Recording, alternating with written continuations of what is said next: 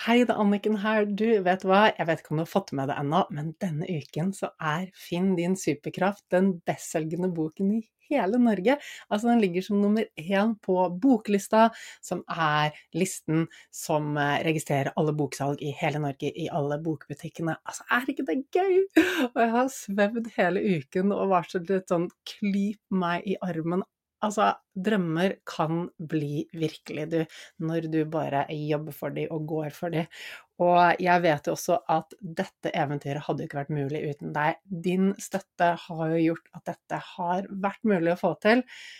Og hele min mission med å skrive den boken og ha denne podkasten og gjøre alt det andre jeg gjør, er jo å få kunnskapen ut i verden. Fordi vi trenger den alle sammen. Alle trenger å lese boken. Fordi vi kan så fort sitte fast i eget hode og leve et liv som er bare halvparten av det vi egentlig kan få til når vi har gode verktøy og kunnskap om hvordan hjernen funker, hvordan hormonsystemet funker, hvordan vi kan trene mentalt for å få til hva som helst og skape det livet vi elsker å leve. Og du, to ting. Den 14. mai så inviterer jeg deg til lanseringsfest. Det er en digital lanseringsfest som er åpen for alle, og den skal holde sammen med Marius Sørli fra Heart Mentality. Han har vært inne her på poden på to episoder også. Fantastisk fyr, og vi skal dra i gang skikkelig god stemning, skikkelig fest, masse mentalt påfyll, du kan stille spørsmål og det morsomste av alt er at vi skal lodde ut en del premier. Det blir utlodding av eh, Ja, jeg skal ikke røpe alt, men blant annet så lodder vi ut et par billetter til den fysiske lanseringsfesten som er i Oslo uken etter der igjen.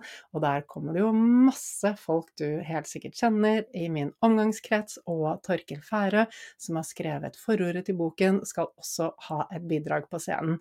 Og det blir god mat fra bl.a. Happy Foods og masse annet spennende. Så bli med på den digitale lanseringsfesten, så kan du også vinne en billett til den fysiske lanseringsfesten i Oslo, og den er da 21. mai. Og du, hvordan blir du med på den digitale lanseringsfesten? Du trenger å registrere deg, så jeg vet hvor mange jeg skal lage rom til i Zoom. Og da går du til annikenbinds.com, og så skriver du skråstrek digital strek boklansering. Der finner du det. annikenbinds.com skråstrek digital strek boklansering, og så finner du det. Og finner du det ikke, så send meg en melding eller e-post, så skal jeg gi deg linken så du får registrert deg, sånn at du kan være med på festen. Tirsdag 14. mai klokken åtte. Vi holder på maks én time. Eh, og enda en kul ting, onsdag 15. mai, til de av dere som bor i Bergen og bergensområdet, onsdag 15. mai klokken 18.00 så er jeg på Nordli i Strandgaten 1 og signerer boken. Altså, bare kom innom. Ta med deg boken om du ikke har fått den signert ennå. Du kan også kjøpe boken der, men bare kom innom. Gi meg en klem. Si hvem du er. Si hva podkasten, kurs eller boken har betydd for deg. Jeg har så lyst til å møte deg på ekte. Altså, det er fantastisk at vi har muligheten til å ha kontakt gjennom sosiale medier og alle andre digitale plattformer, men det å møtes på ekte er helt magisk. Så jeg har kjempelyst til å se deg på Nordli, Strandgaten 1, onsdag 15. mai klokken 18.00. Og ja, du, da kan du bare gå i gang og kose deg med episoden. Det er alltid mulig å ha det bedre og få mer ut av livet. Med riktig kunnskap og gode verktøy så kan du også ta livet ditt til neste nivå. Level Up er podkasten for deg som vil ha mer glede, mer energi, mer overskudd, motivasjon og mening, og rett og slett bare ha et bedre liv.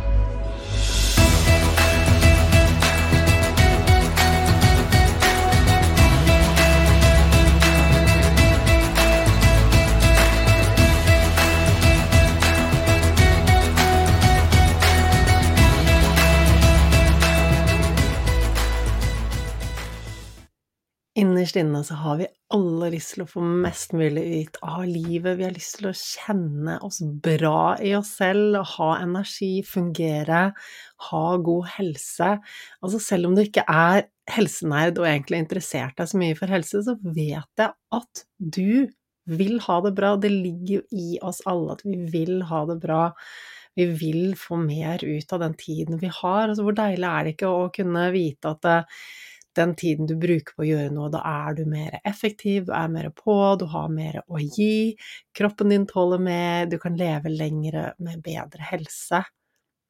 Selv om det kanskje ikke er ting som du tenker over til daglig, så vet jeg at alle mennesker har jo lyst til det.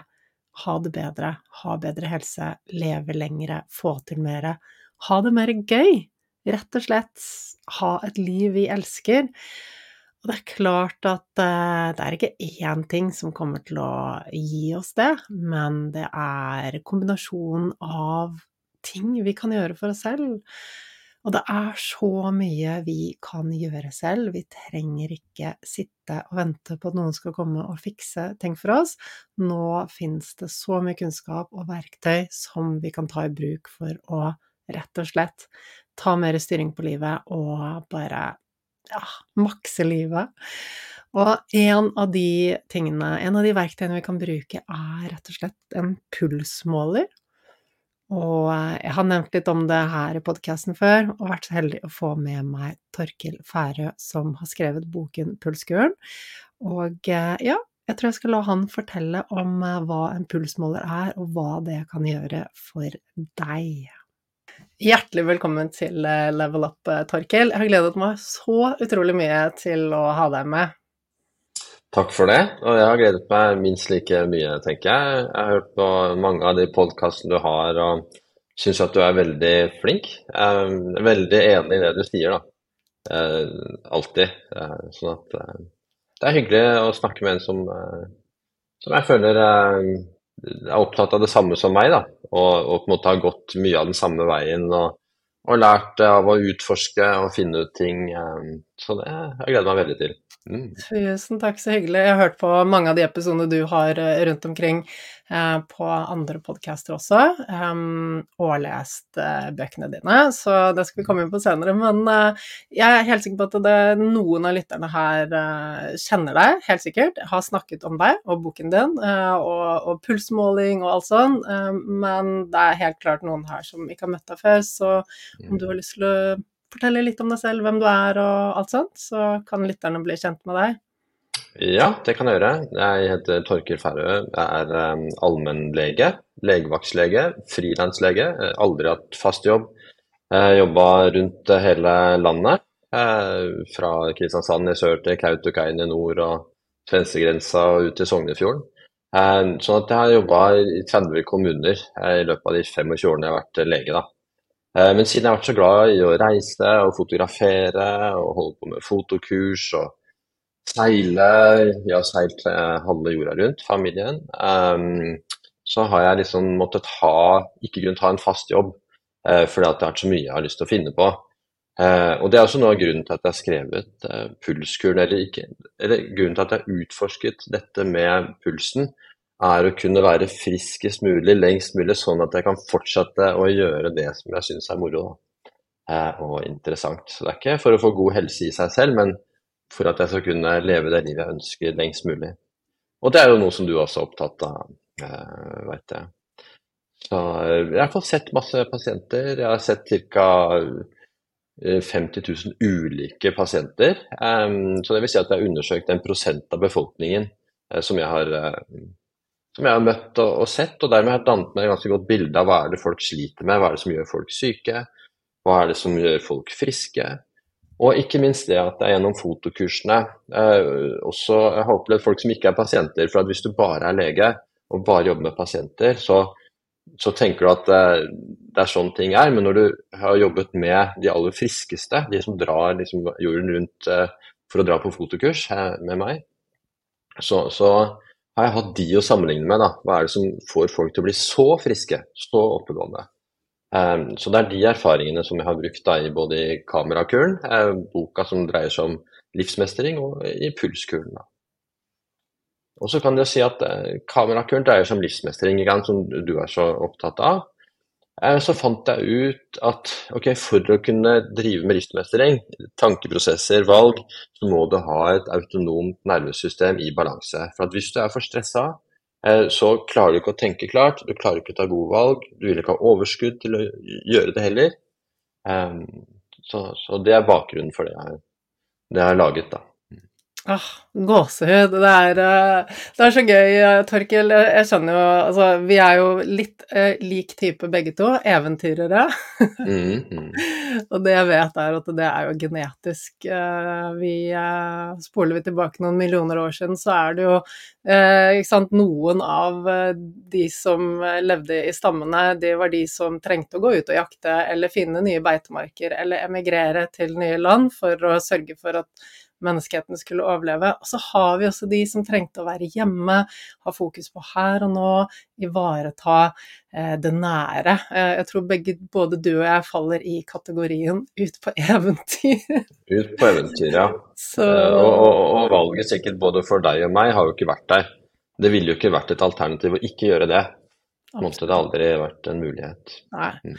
Og det, jeg syns det er så fint med å bli bedre kjent med altså, menneskets natur, biologien, atferd, og skjønne at ok, det er, det er ikke noe vits å prøve for deg og meg å presse oss inn i en mal som vi ikke passer inn i. Og både du og jeg har tydeligvis gjort mye for å legge opp livet for at vi kan leve sånn som vi har lyst til å leve, da. Ditt fokus på helse handler om da kan du få gjøre mest mulig av det du syns er gøy.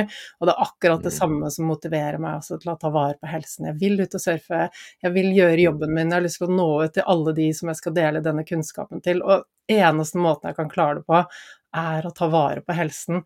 Så ja, veldig gøy å høre på, på det du mm. snakker om. Mm. Og, og, de temaene, altså både kamerakuren og pulskuren, det er jo de samme tingene som, som, jeg er interessert i, og som jeg snakker om her på podkasten igjen og igjen. ikke sant? Og som mm. mentaltrener så, så, så, skal vi egentlig bare ha fokus på det mentale, men vi kan jo ikke skille eh, det mentale fra det fysiske. ikke sant? Er ikke kroppen det der den skal være? Det henger nøyaktig sammen. Eh, det, den boka jeg leser nå, utrolig fascinerende, handler om mitokondrier.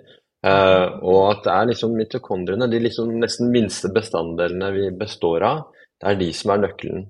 Og hvis mitokondriene dine er dårlige fordi at du lever på en måte, på en måte du ikke er lagd for, så vil kroppen din bli syk. Og som, mye av det som vi kaller mentalt, er at hjernecellene sliter.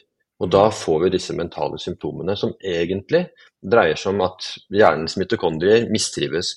40% av hjernens vekt er mitokondrier. Og når de ikke har det bra, fordi at de spiser feil mat og sover for lite og stresser for mye og så, så går tankeprosessen i stå. Eh, du får hjernetåke, du får angst, du blir deprimert. Eh, og da nytter det ikke alltid å snakke seg ut av det. Eh, da må du gjøre noe. Du må, du må handle annerledes, og så løser det seg. Mm. Sånn at jeg har jo, Som lege har jeg mye mer erfaring for at de mentale problemene forsvinner når folk gjør noe fysisk, enn når de har vært hos psykologen eller samtaleterapeut. Det er nok viktig, det òg, mm. men det er vel så viktig på en måte å, å sørge for at mitokondriene dine, sørge for at cellene dine trives. Ja, og jeg er så enig. Altså, det er så mye, vi har så mye potensial med å jobbe med det mentale, men vi klarer ikke å jobbe med det mentale hvis ikke kroppen er på plass. Og det er klart at også det mentale påvirker også fysiologien vår, det går jo begge veier. Men, men vi kan ikke bare se på én ting og tenke at det skal fikse alt. Det er aldri bare én ting som fikser alt. Det er liksom summen av alle de tingene vi gjør for å forbedre helsen. Eh, men det, jeg syns det er veldig spennende. Eh, du, jeg hørte jo at du sa noe om de I jobben din som lege så ser du at det veld, Jeg husker ikke hvilken prosentandel du brukte, men veldig stor andel av de, eh, de som kommer inn og trenger behandling, at årsaken til symptomene ligger jo egentlig i det som du snakker om i pulskuren. Vil du si litt om det? Ja, eh, så at eh, det som folk sliter med i moderne sykdommer, da, moderne livsstilssykdommer, og det er egentlig omtrent alle sykdommene. Eh, det dreier seg om kreft, hjertesykdommer, nevrodegenerative sykdommer som demens og Alzheimers og, og autoimmune sykdommer, hypotyreose, allergier, multiple sklerose, epilepsi, faktisk. Eh, mange av disse sykdommene, det som er felles med dem, det er en kronisk betennelsestilstand i kroppen. Eh, og en regner med, og dette er ikke mine tall, eh, men at rundt 80% av de sykdommene som vi sliter med, har bakgrunn i kronisk betennelse. Det er den som ligger i bånn. Sånn at, og Måten vi løser opp i det på, det er tiltakene i pulskuren. da. det å få bedre søvn, det å få bedre kosthold, både innhold og når du spiser, ikke minst, og til og med det å ikke spise, faste, eh, som er kjempeeffektivt. Riktig nivå av bevegelse, at du beveger deg ikke for mye og ikke for lite heller, men at du finner et passe nivå for bevegelse med tanke på helse og livslengde. Um, og så har du jo eh, ja, dette med søvn uh, og alkohol, uh, ikke sant. Det er tobakk, snus, et kjempestress for kroppen. Sånn at disse tingene stresser organismen vår og tapper oss for krefter. Da.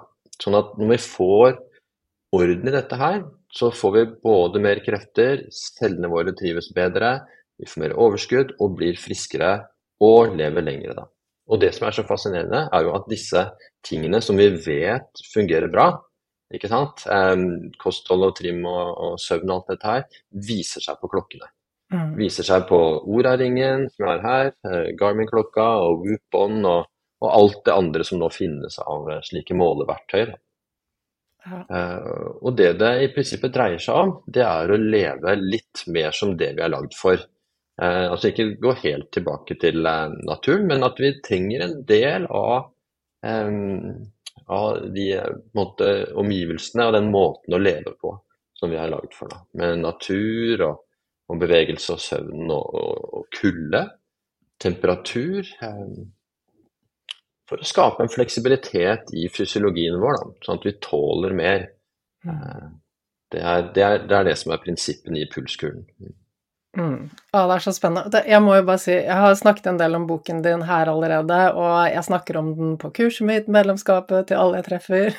Jeg syns den er så bra, eh, og den er bra fordi den virkelig den, den, trenger vi. Vi trenger å få denne kunnskapen ut. Og jeg tror jo det er sånn liksom, I samfunnet generelt så er det sånn ja, ja, vi vet at vi burde spise sunt, og trening er sikkert bra, men jeg tror ikke vi helt skjønner sammenhengen. Jeg tror ikke vi helt skjønner årsakssammenhengen og hvordan liksom, de valgene vi tar eh, gjennom dagen, at vi kanskje blir sittende litt for lenge, at vi velger eh, Pepsi Max til middagen, eller spiser ferdigmat, eller velger å sitte oppe sent og se på TV og sove lite. Jeg tror ikke vi helt, helt skjønner hvordan det faktisk påvirker oss. For jeg er overbevist om at hvis vi hadde sett det, sånn som man gjør når man har på seg en Garmin-klokke, eh, hvis vi hadde sett det svart på hvitt hvilken effekt det hadde på oss, og skjønt sammenhengen mellom ok, når tallene på klokken viser dette, så har det faktisk dette å si for helsen min.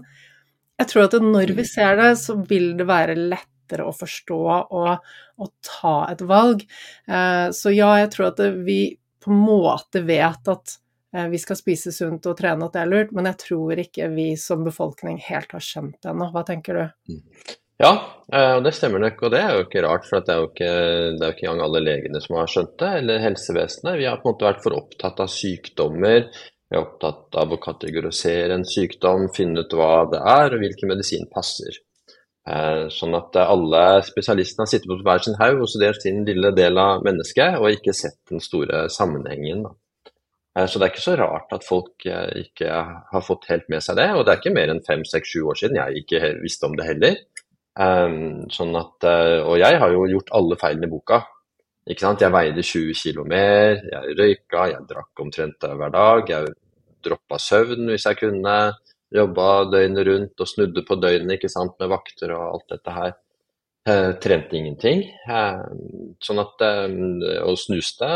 Så, og tålte ikke kulde. Nå driver jeg med isbading osv. Så videre. sånn at eh, det, jeg skjønner godt det. Sånn at, og det er ikke sånn at jeg kan sitte her med sånn pekefinger og se, si så dum du er som ikke skjønte det. For at, eh, da, da, da må jeg peke minst like mye tilbake eh, på meg selv. Men det er klart at det er mye lettere å gjøre disse forandringene når man ser resultatet. Når du ser Dette er jo en slags fartsmålere. Så du ser at det hjelper med kulde. Du ser at det hjelper å faste og begrense tiden. Du ser hvor viktig søvn er. Um, og når du har disse målingene, så er det mye lettere både å være motivert og å styre valgene dine i riktig retning. Uh, og disse klokkene erstatter jo den sansen vi mangler. Eh, det er det som er nøkkelen. For at alle våre sanser gjennom evolusjonen, ikke hatt millioner, for ikke å si hundrevis av millioner av år, eh, så har vi hatt behov for sansene utover syn, eh, hørsel, smak, lukt, berøringssans. Er alt dette her, for alle truslene har kommet utenfra. Men i våre dager så kommer truslene innenfra, fra vårt eget system i ubalanse. Og det har det aldri vært noe behov for å lage en sans for før de siste 30 årene, ikke sant. Eh, og, så, og, den sansen kommer ikke til å komme i vår levetid, for å si det sånn. Eh, sånn at eh, disse klokkene erstatter den sansen i stor grad. Og det er mye lettere å lytte til kroppens tilstand når du har dette her eh, instrumentet også, for da ser du plutselig så ser du at oi, her har pulsen reagert, her er det noe som stresser meg. Og da begynner du å kjenne etter ah ja, stemmer det. Dette er det samme som for fem dager siden. Da spiste jeg også chili, liksom. Um, for eksempel, da. Ja. Så, og sånn, sånn, lærer man eh, masse. Og du har sikkert lært en del du òg, eh, jeg vet ikke hvor lenge du har brukt eh, klokka, jeg, men du, vet hva. Jeg skal si at for ca. ett år siden så hadde jeg en prat med Gunhild Melleby, og fortalte, hun fortalte meg om klokken. Hun var jo med i gruppen din, og jeg bare å, det, det skal jeg også komme i gang med. Og så tok det jo da helt frem til i vinter, da jeg leste Pulskuren. Da var det sånn Nå skal jeg gjøre det! Uh, og det syns jeg er viktig å, å liksom poengtere. det at okay, Når vi skal gjøre en endring, så er det ikke alltid altså Det krever ekstra overskudd å gjøre en endring, og mine dager har vært fulle. Og det var sånn Først nå var det sånn Nå er det rom for det, og nå er jeg motivert, for nå leste jeg boken, og nå så jeg at ok, da, da, slipper jeg å google masse, jeg kan bare forholde meg til boken, og så setter jeg på meg klokken, og så er jeg i gang. Det gjorde det mye lettere. Så jeg Først så stjal jeg mannen min sin klokke, som er en uh, Garmin Phoenix uh, 5, og begynte å synes at det var kjempegøy å se målingene, men så så jeg også at den gir meg ikke alle målingene jeg ville ha. Så da spanderte jeg en Fenix Phoenix 7S, og den har jeg brukt ja, i litt over en måned nå. Um, jeg satte den på meg, og det tar litt tid å bli kjent med den og, og systemet, og det tar vel litt tid før den kalibrerer helt med ditt system, men jeg satte den på meg litt rett før egentlig jeg brakk uh, armen min. Uh, og det har vært veldig spennende, fordi uh, altså Det jeg har sett, er at gjennom nettene så har jeg hatt masse stress. Um, og jeg har tenkt at Nå har jeg ikke hatt så mye å sammenligne med, men jeg har tenkt at det egentlig skyldes at det skyldes brudd i armen, rett og slett. At den trenger å gro, eller det er smerte. Rett og slett kroppen som, som restituerer seg, har jeg tenkt. Uh, og for en uke siden så gikk jeg fra å ha liksom mye stress gjennom natten til plutselig å være helt i ro gjennom alle nettene. Uh, og det merket jeg jo på energien også, ikke sant. Alle målingene på klokken. Jeg hadde en pulsvariasjon på 38, og nå er den oppe i 44. Um, så det eneste forskjellige jeg har gjort, er vel egentlig Eller Jeg har ikke gjort noe forskjellig. mm. Det er rett og slett bare ja, Så det er kanskje bruddet, bruddet som begynner å bli ferdig tilhelt, ikke sant? Ja. Nå som du snart skal ta gipsen og greier. Mm. Ja. Så det, så, det har vært min tanke. At det, ja. ok, jeg tror at det, nå har kroppen gjort den store delen av å gro bruddet, og nå mm. kjennes det mye bedre ut, og det er sikkert det ja. som også ja, Ikke sant. Og også hvis man har brekt noe også, så vil man få denne som kalles sykdomsatferd. Man vil føle behov for å trekke seg litt tilbake. Mm. Man vil bli litt deprimert, føle seg litt tyngre. Eh, så dette kan virke som det er noen urgamle systemer som dreier seg om sykdom for at vi skal tilhelle bedre, mm. eh, faktisk. Ja, og... og Det som er interessant med klokka også, altså er jo jeg, jeg, får jo hele tiden så mange meldinger, og senest i dag en som sa at plutselig hadde hennes verdi blitt så mye dårligere, uten at hun fikk noen forklaring. Dro til legen, jo det var stoffskiftet som hadde blitt høyt. Sånn at den er så eh, nøyaktig på at den kan sanse ting da, som den er vanskelig for å sanse selv.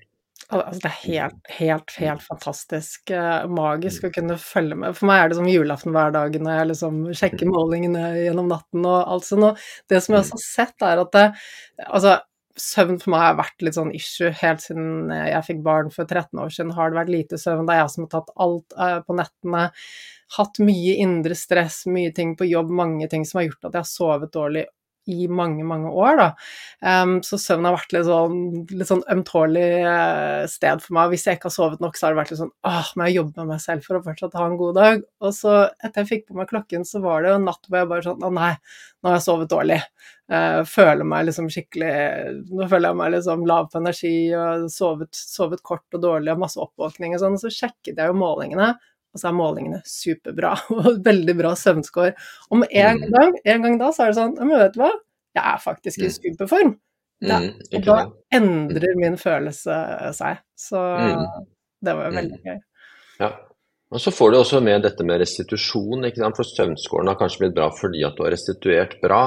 Mm. Eh, så du har kanskje, du kan for eksempel ha sovet dårlig, vært en del våken, men du har restituert bra, og da, da teller det også mye. Ja. Altså Mm. helt, helt utrolig Mm. fantastisk. Mm, Så, så spennende. Og sant, noen netter kan være kortere med oppvåkningen, men som du sier, med god restitusjon fortsatt. Og da har du på en måte Du har klokken som viser deg ok, er du i form, skal du trene, skal du hvile, hva, hva trenger du egentlig å ta hensyn Ikke sant. Og det er jo det viktigste, er et, er et verktøy for å ta avgjørelser den dagen. Sånn som i går, så hadde jeg et foredrag her. Jeg er jo i Mallorca um, på et, um, en retreat, eh, som ikke jeg arrangerer, men, men eh, jeg har kommet for å holde foredrag, for disse er også veldig interessert i eh, pulsklokkene. Og det foredraget var på engelsk, og jeg er vant til å holde det foredraget, men i går var det da nesten tre timer foredrag på engelsk. Mm. Eh, og det var mye mer stress enn eh, jeg var forberedt på. Jeg, jeg vet at det er stress å ha foredrag, men ikke at det skulle bli så mye. Så det forplanta seg gjennom natta, gjorde at jeg sov dårligere. Så på morgenen i dag så måtte jeg da ta en del andre avgjørelser. Jeg måtte droppe å være med på noe de andre har holdt på med. Og, og, og være en del i bassenget. Selv om det er 20 grader i bassenget, så hjelper det også til å roe ned. For å ikke bli for sliten, for å fortsatt ha kapasitet til at huet kan fungere når, når vi snakker sammen. Da. Mm. Eh, Sånn at eh, det er et verktøy for å ta, starte dagen med en slags rapport. eh, Hvordan ligger du an? Kan du gønne på, eller skal du holde tilbake litt? Skal du, skal du trene hardt, eller skal du kanskje heller gå en tur, eller ta yoga i stedet? Mm. Eh, og, og, ja. Så det er det som er det viktigste med dette verktøyet her. da. Mm. At, du kan ta bedre avgjørelser. Altså, det, og det er så spennende, akkurat det du sier nå, fordi jeg tenkte jo før at ok, etter å ha hatt en sånn full dag, kanskje vært på, masse, skjedd masse, da lander du jo godt i sengen og sover godt, ikke sant? Men, men Mm. som du sier, som du erfarte i natt, da, var at etter mye stress på dagen, så ladet du ikke Mm. like godt på natten. Jeg hadde også en dag for et par uker siden, og det er klart at jeg har trengt mye mer hvile nå når armen skulle restituere seg. Jeg har virkelig jeg har tatt avspenning hver dag og bare kjent at jeg blir mye fortere tom for energi. Men det var en dag hvor jeg følte meg så god på energi, liksom sovet godt, alt var bra, og jeg hadde møte etter møte, var i gang hele dagen. Og på kvelden så hadde jeg Altså jeg er i utgangspunktet helt skjermfri på kvelden, men jeg har en gruppe med utenlandske gründere som jeg nettverker med, og vi treffes på kvelden, for de bor jo i, USA og New Zealand og sånn. Og da satt jeg i Zoom frem til nesten halv tolv. Eh, og la meg, jeg vet jo at det på en måte, da legger jeg meg sent, og, og det er ikke nødvendigvis sin beste søvn, men det jeg så på målingene, var at jeg hadde stress gjennom hele natten. Uh, og det var klart Det varer, ja. Ja. Det varer mye lenger enn du tror. Sånn at En ting er det at man er klar over kanskje den stressende delen av det. Det som ofte er sjokk for mange, er hvor lenge etterpå det tar før du er tilbake igjen der du var. Um, så det også må med i beregningen, for det kjenner du ikke nødvendigvis. Nei. Eh, fordi at du tenker at nå er stresset over, og så kjenner du ikke så godt etter. Mm. Mm. Og sånn som den dagen så kjente ikke jeg på stress i det hele tatt. Jeg var bare i flyt, jeg hadde masse prosjekter. Det var bare positivt, ikke sant. Og det er positivt stress, og det er jo bra for oss når vi Mm. balanserer det. Eh, så jeg, jeg hadde liksom ikke tenkt Ok, jeg var litt sånn ok, fra det ene til det andre. Eh, det var ikke noe hvile og sånn, men jeg, jeg, jeg tenkte ikke at dette var en belastende dag. Men det viste Mm. klokken at det var. Og da er det jo helt klart dagen etterpå er det sånn ok, men da trenger jeg å ta hensyn til det. Også i Mm. går, da. Vi feiret jo eh, 13-årsdagen til sønnen min i går, og det er klart at da har vi hele familien over. Og selv med litt planlegging og prepping av kake på forhånd, så er det jo en dag med full aktivitet fra morgen til Mm. kveld. Eh, Mm. Og det er bare hyggelig, og det er jo ikke, ikke? Det er jo ikke verdens stressende ting, men likevel så Mm. så jeg utslag på klokken at jeg hadde vært i stress da de første timene av natten. Mm. Og ikke minst kakene. Ja, Ikke sant? Plutselig så skjønner du at kaker ja, At uh, et par skikkelige kakestykker, det, det, er, det er en del eh, En ganske stor belastning Ja, eh, det på kroppen. Og, og særlig, særlig hvis det er så mange som tåler gluten og melkeproteiner dårlig, sånn som jeg, så Mm. er, det, så er det like slitsomt som en treningsøkt, det å spise to svære kakestykker. Ja, og det synes jeg det er fint at du tar opp, Torkil. Og det er jo sånn ehm, vi, vi, tenker ofte på Veldig mange er kanskje opptatt av å liksom gå ned i vekt og være i form, og så tenker de kanskje kalorier, eh, men de tenker kanskje ikke hvordan maten egentlig påvirker nervesystemet. For det har jo også veldig mye å si i forhold til hvordan kroppen vår ser ut, ikke sant? Og, og vekten mm. vår. Og, og, jeg er så opptatt av å på en måte formidle dette med at ok, men vekt, det handler ikke om vekt akkurat sånn du ser ut, men det handler faktisk om helsen. Og en kropp som er i balanse og, god, og ha god helse, vil jo også ha normal, mm. sunn vekt. mm, ja, hvis du er i metabolsk balanse, så, så, så, vil du gjerne ha en sunn en, en god vekt òg. Ja, ja. ja, jeg har så lyst til å mm. liksom, få folk inn på det sporet og legge bort liksom, slanking og kalorier og alt det. Bare tenke at det er ok, men passer jeg på kroppen mm. min, så vil den passe på meg. Men kan ikke du snakke mm. litt, om litt mer om metabolsk helse, hvordan det henger Ja, det, det, ja, det, det som er eh, sånn metabolsk sett, er jo at de, sånn som i USA f.eks., så regner de med at 90% av befolkningen har dårlig metabolsk tilstand. Og den er nok ikke så mye bedre mm, i Norge. Eh, og det er fordi at vi spiser mye raske karbohydrater, vi spiser mye ultraprosessert mat. 60% av det vi kjøper i butikken er det. Og Det er jo bare å gå inn i butikk, så, så ser du at du, du sliter jo med å, å, kjøpe det som vi kan kalle ekte mat. Eh, det er stort sett industrielt uh, lagde produkter eh, som er lagd for å vare lenge i hyllene med masse stoffer som ikke er, er mat. Um, uansett, den pakka av ultraprosessert mat og raske karbohydrater er vi ikke lagd for å spise. Ehm, sånn at eh, veldig mange vil eh, oppleve at de får insulinresistens. Insulinresistens er noe du får gjennomsnittlig 17 år før du får diabetes. Og det gjør at cellene i kroppen ikke klarer å ta til seg den næringen de trenger. Det er masse sukker i blodet, men det kommer ikke inn, eh, og det er fordi at det ikke kommer inn i cellene. Fordi at cellene er blitt insulinresistente. Det vi gjør da i praksis som leger, er å vente til de får diagnosen diabetes, da, 17 år etterpå. Og da begynner vi å gjøre noe. Eh, og jeg har jo på meg en eh, blodsukkermåler, som, vi ser her. Um, som eh, viser jo at selv jeg, som ikke har noe diabetes, er ganske langt unna det. Jeg har en HBA1C på 5,2, um, for de som vet hva det er.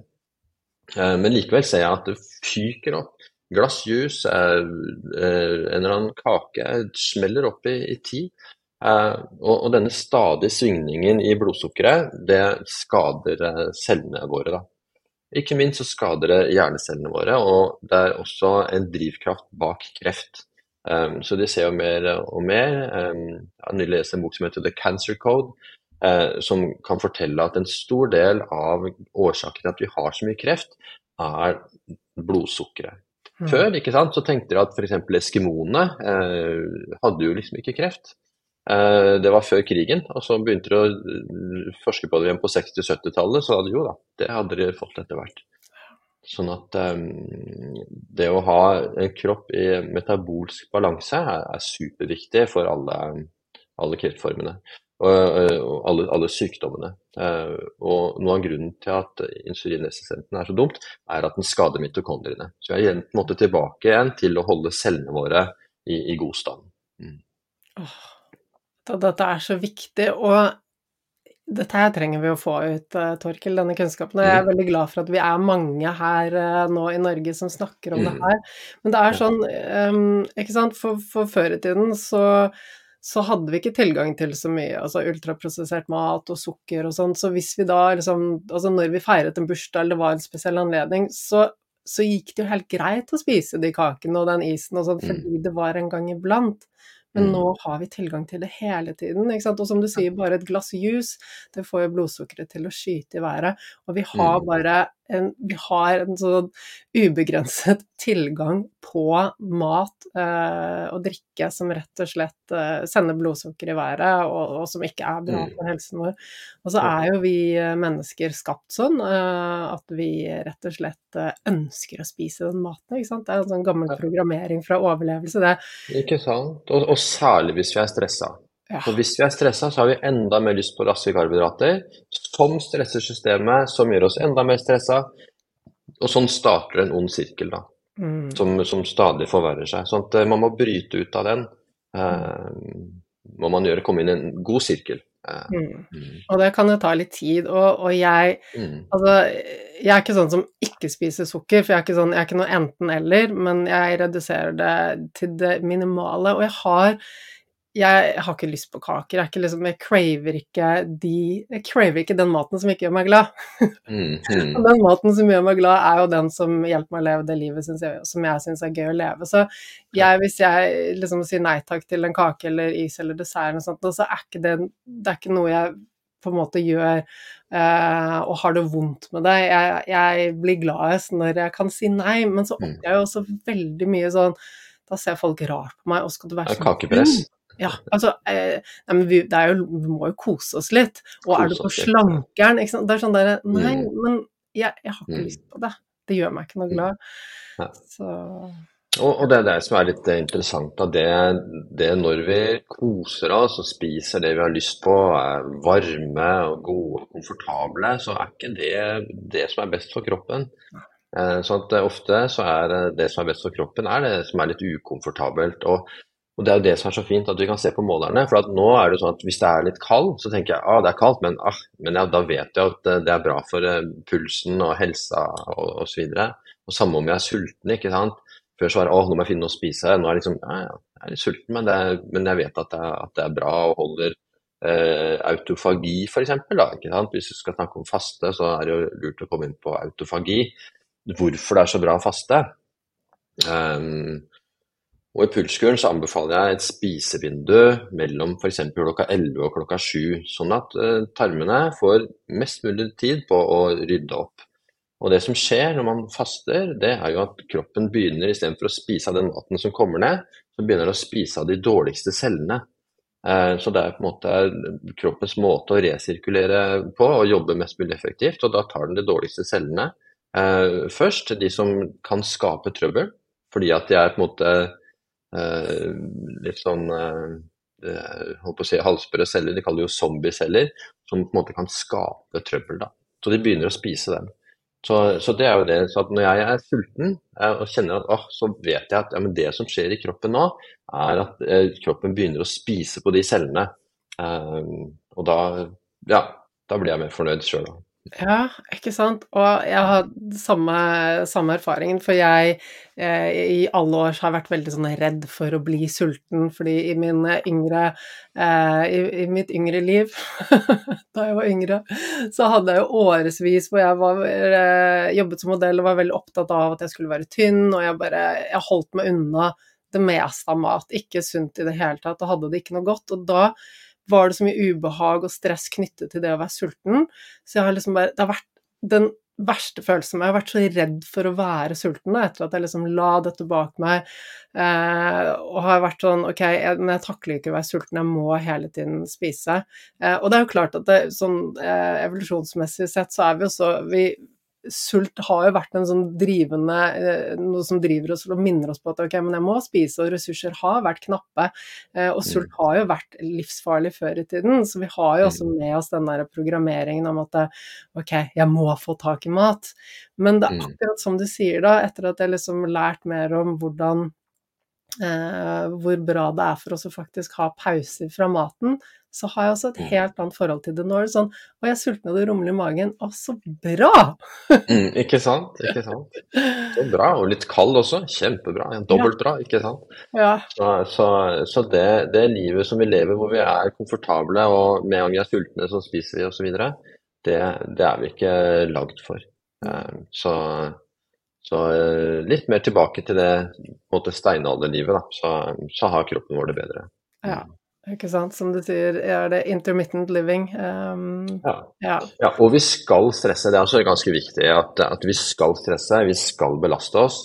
Uh, og det egentlig så er det ikke noe som heter negativt stress. Sånn at selv uønsket stress, eller en, en, en hendelse, f.eks. å brekke armen, da, mm. covid, selv hendelser som vi ikke vil ha, som vi blir nødt til å takle, og som ofte er så brysomme at vi ville aldri ha satt en sånn utfordring foran oss frivillig. Selv de eh, kan vi vokse på og bli sterkere av. Eh, posttraumatisk vekst, ikke sant. Eh, og slik at sånn sett så er det ikke noe negativ stress. det som jeg vil kalle negativ stress, det er at vi bruker krefter på ting som bare tapper oss for krefter, uten at det er til noen nytte for oss. F.eks. snus, i en del henseender alkohol. Selvfølgelig kan det være ålreit med en hyggelig fest og sånt, men bare å drikke alkohol for å kose seg, ikke sant? bare tapper ekstremt med krefter. Um, sånn at um, um, jeg måtte jo slutte å snuse. Jeg så jo at det å snuse utraderte alt jeg klarte å lese av målingene. Og Da måtte jeg bestemme meg for skal jeg bruke krefter på å håndtere snus, eller skal jeg bruke det på andre ting som jeg heller har lyst til å gjøre. Så Da, da ble det andre ting da, ikke sant, istedenfor uh, å bruke det på snus. Så det vil jeg kalle dårlig stress. Altså snusen var så stor belastning på en måte at, det, at det, de andre gode tingene du gjorde, ble på en måte uh, Ja, og jeg kunne ikke se dem. Altså, jeg, altså På målingene så var det bare oransje hele veien. Oi. Fordi at det, det, det, maskerte på en måte alt mulig annet jeg gjorde. Det lå og durte over, på en måte. Um, og, og, og, øker jo kanskje pulsen med ca. ti slag. Så det som mange har sett eh, altså Vi driver jo nettstedet pulskuren.no eh, med rundt 1300 medlemmer eh, allerede på de fire månedene siden boka kom ut. Hvor folk stiller spørsmål legger ut kurver og spør osv. Og, og det er til og med en egen gruppe med snuskutt. Og, og, de ser jo at det går ned f.eks. fra 70 puls til 60 puls. Og, og, det at hvilepulsen gjennom hele døgnet er ti slag mer, tapper deg selvfølgelig for krefter. Og det viser seg jo at, at uh, også snus disponerer for den rekka av stressykdommer. Da. Uh, og f.eks. også nedsette sædkvalitet, eller sædtall, med 28% Og, og sædtall er jo på en måte en slags kanarifugl for åssen tilstanden i cellene våre er. For det selvfølgelig er lett å telle dem, ikke sant. Og, og, men de representerer jo egentlig slik kroppens tilstand er. Og, og, idrettsutøvere vil være mer utsatt for skader, det vil ta lengre tid og tilhelle et brudd f.eks. Eh, med snus. da. Så, så, igjen noe som ikke er helsebringende, og som viser seg i rene tall da, på, på klokken og instrumentene. Åh, så spennende. Og det er liksom sånn mm. Altså, det, det, her vet man jo ikke før man har fått denne pulsmåleren på seg, eller hørt deg si det. Uh, og jeg, jeg, kan ikke tenke meg at de som snuser, egentlig er klar over hvilken impact det har. Nei, nei. Nei, nei, nei, jeg hadde aldri tenkt over det før jeg så, så tallene. ikke sant? Um, og, og, da blir det jo klart mer motiverende uh, å slutte å gjøre de forandringene, når du ser at uh, ser det sånn svart på hvitt. da. Mm. Ah. Jeg hørte også Huberman Lab, jeg vet også at det er en podkast du hører på, er det ikke det? Mm, absolutt. absolutt. jeg elsker den. Uh, han nevnte det en studie som har gjort at bare et par alkoholenheter i uken også gjorde noe med altså stressnivået generelt gjennom resten av uken. Ikke bare rett etterpå, men at det hever uh, Ja, det kan ta fem dager, faktisk. Sånn at uh, de som Whoop, dette båndet her, som mange amerikanske idrettsutøvere bruker, de har jo funnet ut at eh, hvis du tar deg en skikkelig tur på byen en lørdag, så tar det helt fram til onsdag før du er tilbake igjen på den eh, restitusjonsnivået du var før lørdagen. Og dermed så kutter de jo det. Sånn at de som begynner å se den fysiologiske prisen for alkohol, da, de kutter veldig ned på det. For det er jo litt som om du, liksom, som om du skulle vært i, i baren, ikke sant? og så ser du regninga på morgenen, og så var den 2000 istedenfor 200, som du trodde. ikke sant? Så dette er jo en måte I boka så kaller jeg det kroppsbudsjettet. Sånn at når du får disse instrumentene, så begynner du å få oversikt over det fysiologiske budsjettet. Se hva som går inn og ut, og hvor mye. Og, og klarer i mye større grad å, å, gå i balanse og med overskudd. Mm. Ja, det er så fint at vi kan ha de målingene, for det er som du sier, vi, vi klarer sjelden å kjenne etter det. Vi er ikke utviklet sansene for å kjenne innover. Mm. Eh, og så er det sånn at eh, veldig mange går på mye adrenalin gjennom dagen og, og, er veldig sånn utover, eh, aktive, og vi får ikke med oss hva som skjer på innsiden. Og så er det også noe med mm. at når vi er yngre, så tåler vi også mer. Eh, mm. nå er jeg 46 år gammel, og eh, jeg kjente jo Altså, da jeg var 20 år, så kunne jeg feste hele natten og være aktiv hele dagen. Null problem. Mm. Så jeg bodde også et halvt år i Pakistan, og der var det ikke mye alkohol eh, tilgjengelig av naturlige grunner. Og det eneste stedet man mm. fikk alkohol, var jo på expat-fester i Islamabad. Men i helgene pleide jeg å dra til fjells, så jeg drakk ikke noe mm. på et halvt år da jeg bodde der. Eh, og drakk lite før det også, men det er klart at eh, jeg var ute og festet på byen og drakk. Men da jeg kom hjem fra Pakistan og tok et glass vin, så ble jeg så dårlig etterpå. Eh, Mm. og da hadde jo kroppen Da hadde jeg på en måte avvent meg det med den følelsen eh, som man får da etter man har eh, drukket mye. Jeg tror Mm. at det, det er sånn man kan bli vant til det hvis man drikker Ja. jevnlig, da. Ikke sant? Og det, og det viser seg jo i utseendet, ikke sant. Det er jo ikke noe tvil om når du, når du ser verst ut. Ja. Det er jo morgenen etter, og det er jo Du, du ser jo Og hvem er det som ser verst ut? Ja, er alkoholikere, ikke Ja. sant. Um, sånn at det, det viser seg jo på en måte i, i ansikt og, og hele kroppen, eh, den belastningen det har vært. Det, så det er liksom ikke bare det at du har vært eh, eh, føler deg bakrus, det er kroppen har vært gjennom et maraton i løpet av natta. Og det, det ser du veldig fort på, på målingene da. Så, og det som også er interessant, også, det er jo mange for tida som sliter med fatigue, ikke sant, og, Mm. og, eh, og ME-lignende tilstander, hjernetåke osv. Og, og ofte er jo de som sliter med det, er jo de som har vært dårligst på å registrere sin indre stemning, da. Mm. Det er de som er i størst fare for å kjøre på og kjøre på, og trekke det liksom fysiologiske kredittkortet, bruke krefter ikke de har, og så, for, så blir det enda slappere, og så bruker de enda flere krefter ikke de har, helt til ikke det går lenger. Mm. Um, og, og, og det viser seg jo at de ofte er de som er dårligst på å tolke det.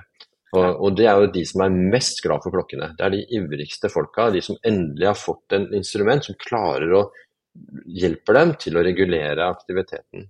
Og smått om senn så er det, og det er så mange som, som eh, melder til meg, at liksom endelig er de i stand til å komme seg på rett spor igjen.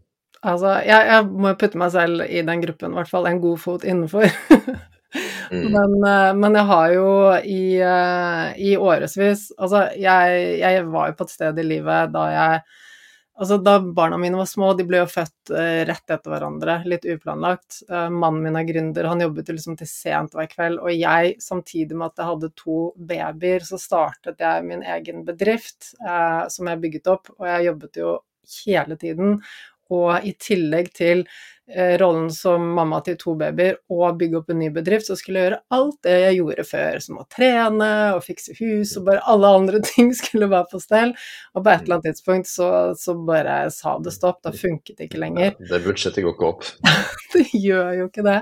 Så for meg har det vært en veldig, veldig lang vei til å liksom komme dit hvor jeg finner en balanse, eller kan restituere meg, og, og jeg er ikke ferdig på den reisen ennå. Det er hele tiden stadig Mm. vekk en sånn ny Å, det er dette det vil si å være i ro, og det er dette det vil Ja. si. Men, men jeg kom jo over Jeg jobbet jo med yoga, holdt på med yoga siden 2003, og du kan godt si at men ok, yogainstruktør og driver med yoga, da burde du ha mye indre ro, men du kan fortsatt gjøre yoga og ligge i en avspenning og ha masse indre Mm. som jeg hadde. Mm. Ja, ja. Um, men, um, men jeg kom over det som heter yoga nidra, det tror jeg du også bruker. Mm, ja, eller i hvert fall er borti det. Jeg tror jeg skal eh, bli mer borti det. For at det, neste boka jeg skal skrive, den skal handle om å finne hvilepulsen. Så det er Mm. forlag som har bedt om at jeg skriver en bok som går eh, tar på en måte for seg den delen av pulskuren som er aktiv hvile, og på en måte utvider det. Eh, Det å finne hvilepulsen mer. Og der er nok yoga nidra og dette med non-sleep deep rest eh, sentralt, da. Da må vi Eh, Som. Huberman snakker masse om. ikke sant? Så jeg må sikkert dra på noe, dra på noen kurs og lære meg det bedre, tenker jeg. Så. Da skal vi sette oss ned og snakke litt sammen uh, om dette. Mm. For jeg, jeg kom jo over yoga nidra på, i den perioden hvor jeg da bare kjente at det, ting ikke funket lenger, og så skjønte jeg at ok, det her er jo helt revolusjonerende. Jeg har aldri likt å ta pauser. Jeg hadde så mye motstand mot å ta pauser. Jeg elsker dopamin og jeg elsker å gjøre, og det gjorde meg glad. Og bare det å hvile og legge meg ned midt på dagen, det var bare sånn Altså, det vrengte seg inni meg, men Mm. jeg skjønte at det var noe bra her, og det å komme i gang For meg så var det veldig greit å ikke sant, Istedenfor å bare legge meg ned og gjøre ingenting, så gjorde jeg jo noe aktivt. Jeg lyttet til et lydspor. Og eh, du har også hørt på Human, det er, jo, det er jo en god del forskning rundt det nå, hva det gjør i forhold til restitusjon eh, Mm. og, um, og prestasjoner, rett og slett. Og fylle på dopaminlagrene også. Det er, det er mye, Mm. mye helsefordeler. Så jeg tok en instruktørutdanning og er helt, helt frelst. Og elsker, Mm, elsker det. Ja. Ja, men det må jeg få med meg mer av. Ja, Mm. og, det så, og, og det som er viktig, er jo at grunnen til at du skal hvile, er jo for å kunne være i stand til å kjøre på hardere når du trenger det. At du på en måte du står på en sånn spak hvor du klarer å roe helt ned, og klarer å, å, ta full gass, og at du selv står for den kontrollen. At ikke du bare er avhengig av omstendighetene rundt deg, men at, at dette her styrer du sjøl. Mm. Det er jo det som er poenget. Og I går så siterte jeg Winston Churchill, for han ble spurt uh, hva er hemmeligheten bak din suksess? Uh, for han må jo kunne kalles en av verdens mest suksessrike folk. Måtte. Redda jo hele verden uh, i tillegg til alt, alt, mulig annet han har gjort, som ikke alle kjenner til. Men han sa det er energy conservation. Uh, ikke stå hvis du kan sitte, ikke sitt hvis du kan ligge. Og det, klart, det gjaldt jo han, som hadde da hele verdenssituasjonen på sine skuldre. Um, så det hjelper jo ikke på en måte å, å, å slappe av etter å ha hvilt, uh, ikke sant? Men, men, for at man skal kunne klare å ha så full fart, da, så er du nødt til å være like god på å hvile. At de beste idrettsutøverne er jo like gode på restitusjon som på treninga de går jo rett i hvil etter, etter ikke treninga. Kuldebad og pusteteknikker. ikke sant? Eh, Haaland setter seg i meditasjonsstilling ikke sant? etter å ha scora. Og, for å klare å prestere på det nivået med det presset, så må de være supergode på å trå inn bremsen og få dette systemet i balanse. Mm. Og det merker jeg bare selv. At det å skrive en bestselger Nå har den ligget på bestselgerlistene i 17 uker. Gratulerer. Eh, takk, takk. Det er ikke noe sånn eh, god løsning for eh, stressnivå, altså. Sånn at, eh, sånn at, der vi har gjort mye før, så så er jeg vant til på en måte å ha et høyt tempo mye å gjøre, men jeg er vant til å bestemme det selv. Mm. Eh, for det har ikke vært alle mulige folk som henvender seg til meg fra alle mulige bauger og kanter. altså Innboksen er full hver dag, og planlegge hva du skal gjøre en dag, det er bare å glemme. For det er et eller annet artig, spennende, nyttig, kjempegøy. Lage videokurs for noen. Eh, holde foredrag, ikke sant. Mm. Eh, podkaster. Jeg tror jeg har vært på 15-20 podkaster ja, siden, siden, um, desember. Og det er et par neste uke, og, og, osv. så. Så, og, og, det er jo kjempespennende. Og enhver en ting som, som, dette her har en sånn haleheng med mailer i forkant og etterkant. ikke sant? Sånn at det er som å drive og sjonglere 20 baller i lufta. Og da må jeg nok bli enda flinkere på litt yoga nidra og, og, og, og komme helt ned. Mm. For det er ikke jeg noe spesielt talentfull til, da. Nei, og det var ikke jeg heller, men du, vet du hva, jeg skal sende deg noen lydspor. Og jeg har jo en del mm. av de som får lydsporene mine, som også bruker eh, pulsmålere, og de viser jo at eh, etter yoga nidra, altså de lader Eh, lader bedre enn en hel natts søvn, noen av de. Ikke sant, ikke eh, sant. Og jeg har jo også lydspor for, eh, for søvn. Jeg mm. lager jo hypnoselydspor. Og jeg, de som bruker pulsmåler, ser at det eh, mm. gjør at de restituerer superbra mens de lytter til det, og i ettertid mm. sover bedre, restituerer bedre enn natten. Absolutt. Hvis, hvis, det du gjør fungerer, mm. så vil det vise seg mm. på disse systemene. Så, så og det er ikke all meditasjon som virker. En del meditasjon blir folk stressa av. Mm. Men jeg har nok inntrykk, som du sier, at yoga nidra er noe som folk er, kommer i, i hvilemodus av. Kommer inn i liksom en sånn, De gangene jeg har vært med på det, så liksom kommer inn i en sånn limbo-tilstand. Sånn halvveis mellom søvnen og det er, sånn. det er, altså, det er jo laget, det er bygget opp for å ta deg veldig raskt ned.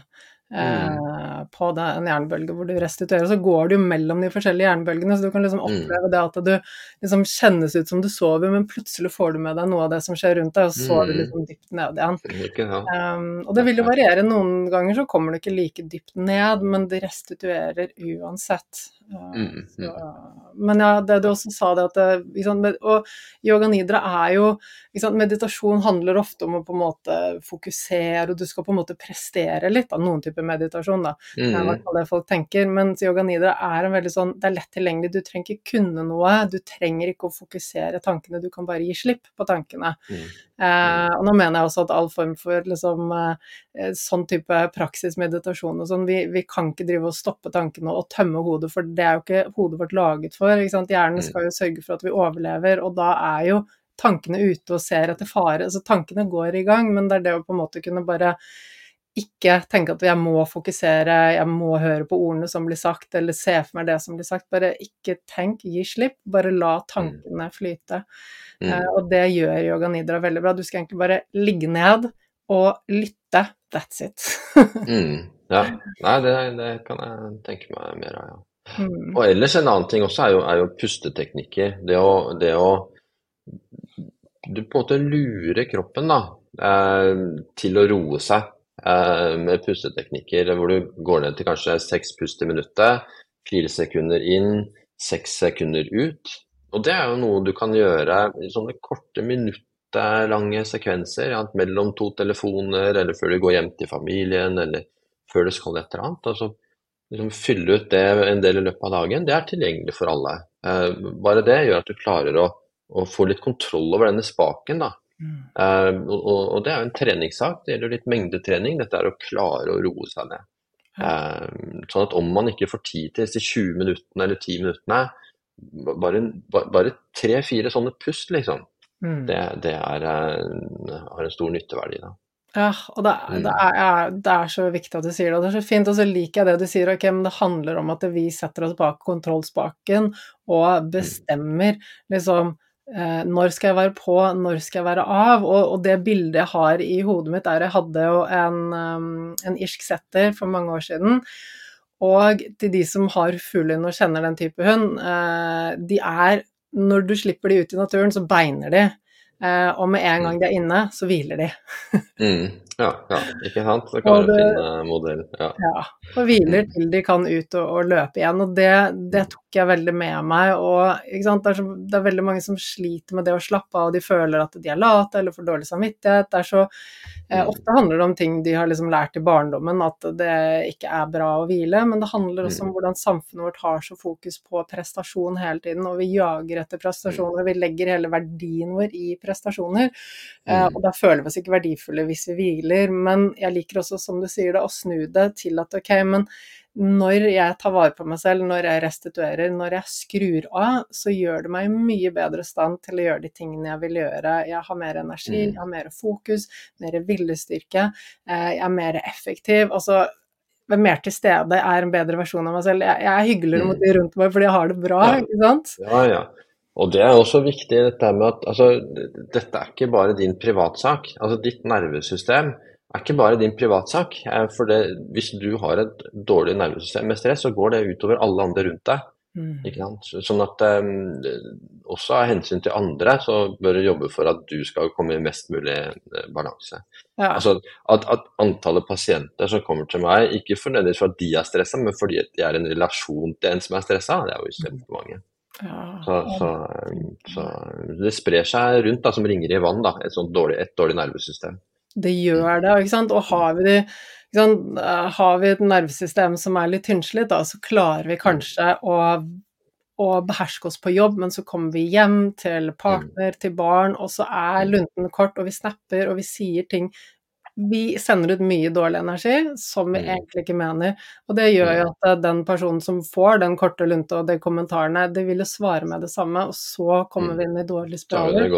Ja, det er ikke noe høydere for et parforhold, Nei. og i hvert fall i forhold til barn, da, fordi at um, uh, altså når barn opplever å bli kjeftet på, bli kjeftet på, bli kjeftet på, så mm. vil jo eh, ubevisst i barnet vil de føle at det er noe feil med de. ikke sant? Og det begynner igjen å eh, bryte ned selvfølelsen til barna hvis de hele tiden får kjeft. Um, det er så mange ringvirkninger av dette kunne jeg snakket om i evigheter, om hvordan alt dette påvirker uh, hvordan vi mm. har det i relasjonene. Um, og hva det gjør med selvfølelsen. absolutt. Og, og, det som også er interessant, er jo at HRV er jo også et mål på viljestyrke.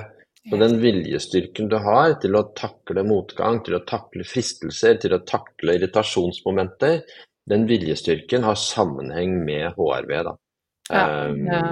Og det er jo ja, helt riktig det du sier, og det er så fint at du har tall på det. fordi eh, som mentaltrener så vi har noen mentale teknikker vi bruker for å, eh, for å trenes opp til å få de resultatene vi vil ha. Og avspenning er jo en av de viktigste mentale teknikkene vi har, som vi bruker mm. for å trene og viljestyrke, bl.a. Men innen mentaltrening så fikk vi aldri noe forskning på det. Da var det bare ja, vi trener avspenning, form, forskjellige mm. former for avspenning, men det er en av de teknikkene. Så når jeg har kunder som kommer til meg og sier eh, at de har den og den utfordringen, så er dette med hvile, avspenning, restitusjon, det er en av de viktigste tingene vi haker av for. For uten det så kan du ikke begynne. Du kan ikke tro at du skal få til masse eh, endringer i livet og nå masse mål hvis du ikke eh, har, har, det på plass, rett og slett. Ja, hvis du, hvis du, og det er for at Hvis du har et stresset system, så er faktisk en del, eh, sier også Huberman, så vil eh, den koblingen mellom eh, prefrontal cortex, som har tankene og oversikten, den koblingen vil være dårligere hvis du er stressa. Og Det er jo fordi at fra, fra gamle dager av, ikke sant, så, så hvis du var stressa, så skulle du jo bare agere. Du skal ikke begynne å tenke, du skal løpe bort fra den tigeren eller, eller den uh, karen med spyd som skal ta deg. ikke sant? Du skal ikke begynne å lure på hvor farlig er dette her. Mm. Sånn at um, Den koblinga blir dårligere hvis du er stressa. Og Det er jo derfor også mange dårlige avgjørelser tas under stress. ikke sant? Det, det, og det kan være stress av type dårlig søvn. ikke sant? Det er um, stressa leger som har jobba lenge, tar dårligere avgjørelser. Um, Sånn at eh, det er mye Det å ha dette grunnleggende systemet da, som har vært oversett av helsevesenet i, i alle år, egentlig. Eh, og det er jo gjerne fordi vi ikke har hatt noe mål på det. Vi leger eh, liker jo at det, er et tall på noe, at leversvikten er så og så stor. ikke sant? At hjertesvikten kan måles med, med, visse blodprøver. Men vi har jo ikke hatt noe tall på nervesystemet, det autonome nervesystemet før nå. da. Mm. Og det som er den aller største fordelen, det er at nå har du kontrollen sjøl. Du sitter med tallet på håndleddet ditt. Alltid tilgjengelig. Ikke sant? Sånn at istedenfor at du er avhengig av å bli fortalt av legen annenhver måned eller hver tredje måned da, åssen det er i løpet av et kvarter, eh, som du kanskje ikke skjønner noe av, så, så sitter du nå med, med det viktigste, kanskje det viktigste helseparameteret, sitter du på sjøl. Og det er kanskje det aller viktigste med dette her. da. Ja, og det gir makt i eget liv og muligheten til å få det sånn som vi vil ha det. Altså, jeg er så takknemlig for altså, boken din og det at jeg har den klokken på meg hver dag. Så det, har, forandret Det har gjort virkelig det at ja, den reisen jeg har vært på i mange år med å liksom finne mer ro og balanse, den har jeg bare tatt mange skritt videre nå, fordi jeg, nå mm. har jeg målingene. Mm. Jeg tenker nok at For inflammasjonssykdommer, da, disse betennelsessykdommene, så er dette instrumentet like viktig, tenker jeg, i hvert fall i nærheten av antibiotika for infeksjoner og, og vaksine for infeksjoner. Så potensielt så viktig er dette her. Det er min oppfatning som, som lege, i hvert fall. Ja. Eh, og, og, det ser jo ut til at veldig mange har skjønt det. Det er jo derfor boka selger så mye. Ja. Eh, at den er så lett, og at dette er så lett å oppfatte. At selvfølgelig fabrikanten av disse systemene Eh, har jo gjort det så lett for oss å skjønne det. Um, at, at, folk bare etter å ha hatt på seg klokka en uke, så, så, så er de stolt på en måte. De har skjønt verdien av det med en gang. Mm. Mm. Så du er, med, du er, i ferd med å revolusjonere Helse-Norge, Torkil? Ja, vi får håpe det. At, at, det, blir, at det, blir, nok uh, oppdaget. Det, det, ser jo sånn ut. I hvert fall foreløpig. Så, så, så får vi jo eh, håpe at det, at det fortsetter. Um, så det Istedenfor at, eh, at vi jobber som leger med å reparere folk etter at de har blitt syke, som er kjempedyrt, at vi heller sørger for at folk holder seg friske. For at nå blir folk syke i en sånn grad at, at helsevesenet med sin bemanningssituasjon er sjanseløse på å håndtere dette her. Mm. Um, så, så, det er jo er jeg veldig glad for. Da. Så jeg, jeg må fortsatt jobbe som lege etter at folk er blitt syke. Det er jo det jeg tjener eh, mest penger på, eh, dessverre. Eh, men det, det, hjelper jo på at boka, boka selger sånn. Mm.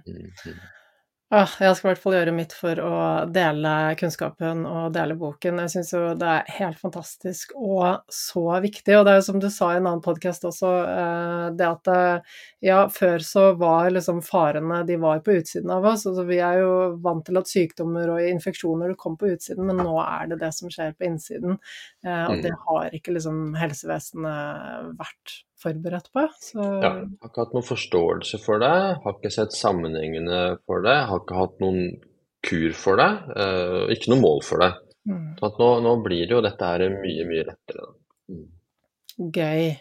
Du, er det noe du tenker for å liksom gi lytterne et sånn ordentlig godt bilde? Og jeg føler at vi har vært innom det meste og det viktigste, men er det noe mm. du føler at, vi, eh, at det er viktig at du deler nå, før vi runder av? Jeg tenker um, ja, det som kan, altså Hvis man skal for eksempel um, ta fem tips, da, for eksempel. Um, jeg har ikke planlagt det, men jeg får ta det på farta. Men det i hvert fall å prøve å sove åtte timer uh, om natta.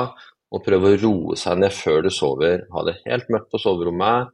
Ikke drukket uh, kaffe etter klokka tolv og ha det kjølig på, på, soverommet. Sove nok. Det er det aller, aller viktigste.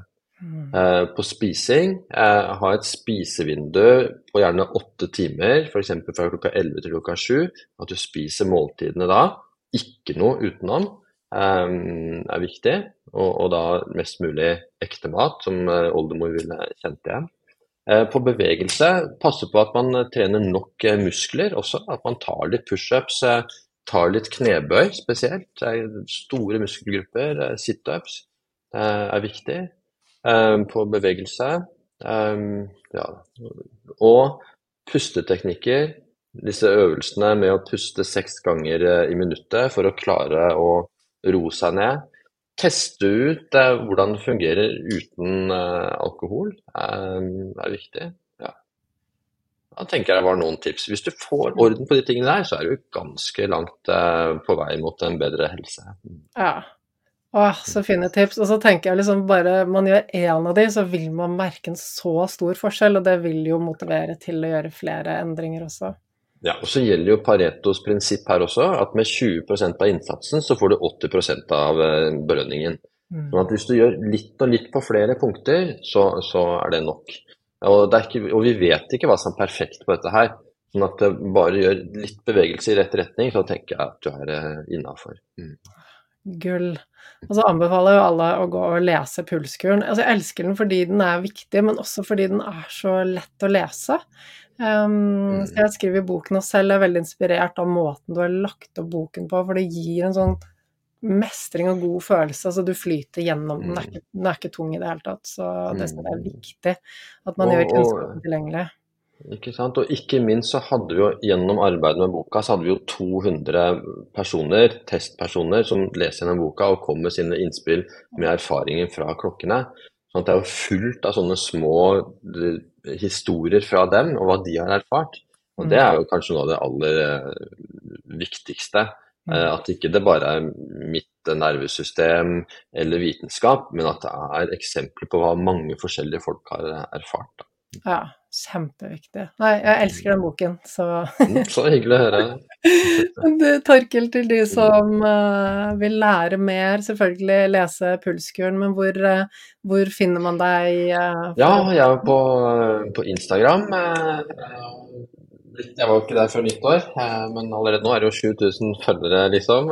Og der prøver jeg å legge ut nyttig informasjon. Der deler jeg de kurvene mine med litt sånn legeskrift på osv. Men også mange tips der. Og så er jeg på pulskuren.no. da. Der er det en egen for eksempel, noen spør doktor Torkil-spalte. Det er workshoper. Hvis man lurer på noe, så får du svar der. For det er 1300 andre kloke folk der, og det er alltid en som kan det spørsmålet. Men det er masse smågrupper, det er over 40 grupper. så det er ingen gruppe for de med ADHD, ingen gruppe for de med ME, med stoffskifte, med folk som har hatt kreft og parkinson. og Hvis ikke en gruppe er der, så kan man lage en sjøl. Um, så er, den vokser hele tiden. Så, så, der vil man kunne finne svar. for at dette er jo faktisk verdens første bok om dette her, så det er ikke så mange andre steder man kan finne, finne svar på det. Så, så, så, det er nok der jeg ville, ville gått, til. Gøy. Du, tusen takk. Det var helt uh, fantastisk å sitte og skravle med deg en time. Du ja. er på Mallorca og jeg er i Oslo. Ikke sant. Ja, det, jeg har gledet meg veldig til det her. Og, og, og, det ble oppfylt, det. Det har vært kjempehyggelig å snakke med deg. Veldig artig. Veldig, veldig gøy. Og så skravler jeg gjerne mer med deg med tanke på den neste boken din. Det er, det ett mm. felt jeg nerder mye på, og så er det dette med avspenning. Så, mm, så bra. Gi, det, gi deg noen lydfiler også. Mm, kjempebra. Så bra. Neimen, da takker vi for nå, Torkil. Mm, takk for nå. Ha det bra. Ha det godt. Håper du tok med deg eh, noe gull fra episoden. Tips til hvor du kan starte, hva du kan gjøre for å komme deg nærmere det livet som du elsker å leve. Og husk, Vi kommer jo aldri til et sted hvor alt er på stell. Det handler om jevnlig justering og læring, optimalisering. Eh, det kommer til å komme mer forskning som kommer til å gjøre at vi kan ta ting til et enda mer spennende nivå.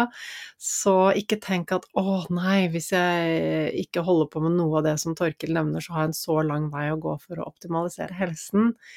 Det handler om å ta ett skritt. Starte med én ting. Bare en liten ting. Og kjenne at eh, det kan bli en rutine, det kan bli en vane, det kan bli godt. Du kan få en god følelse fra det, og så ta neste skrittet, og så ta neste skrittet. Tenk at du har hele livet foran deg, det er ingenting som haster, annet enn at du begynner å ta litt mer kontroll, gjøre litt flere ting for deg selv. Det er mye vi kan få til, og de tingene som Torkil snakker om her, det er jo gratis. Det er klart at en pulsmåler koster litt eh, penger, men alt det andre du kan gjøre, som å begynne å prioritere søvn, legge til rette for god søvn, ja, alle de andre tipsene som Torkil kommer med, det er gratis.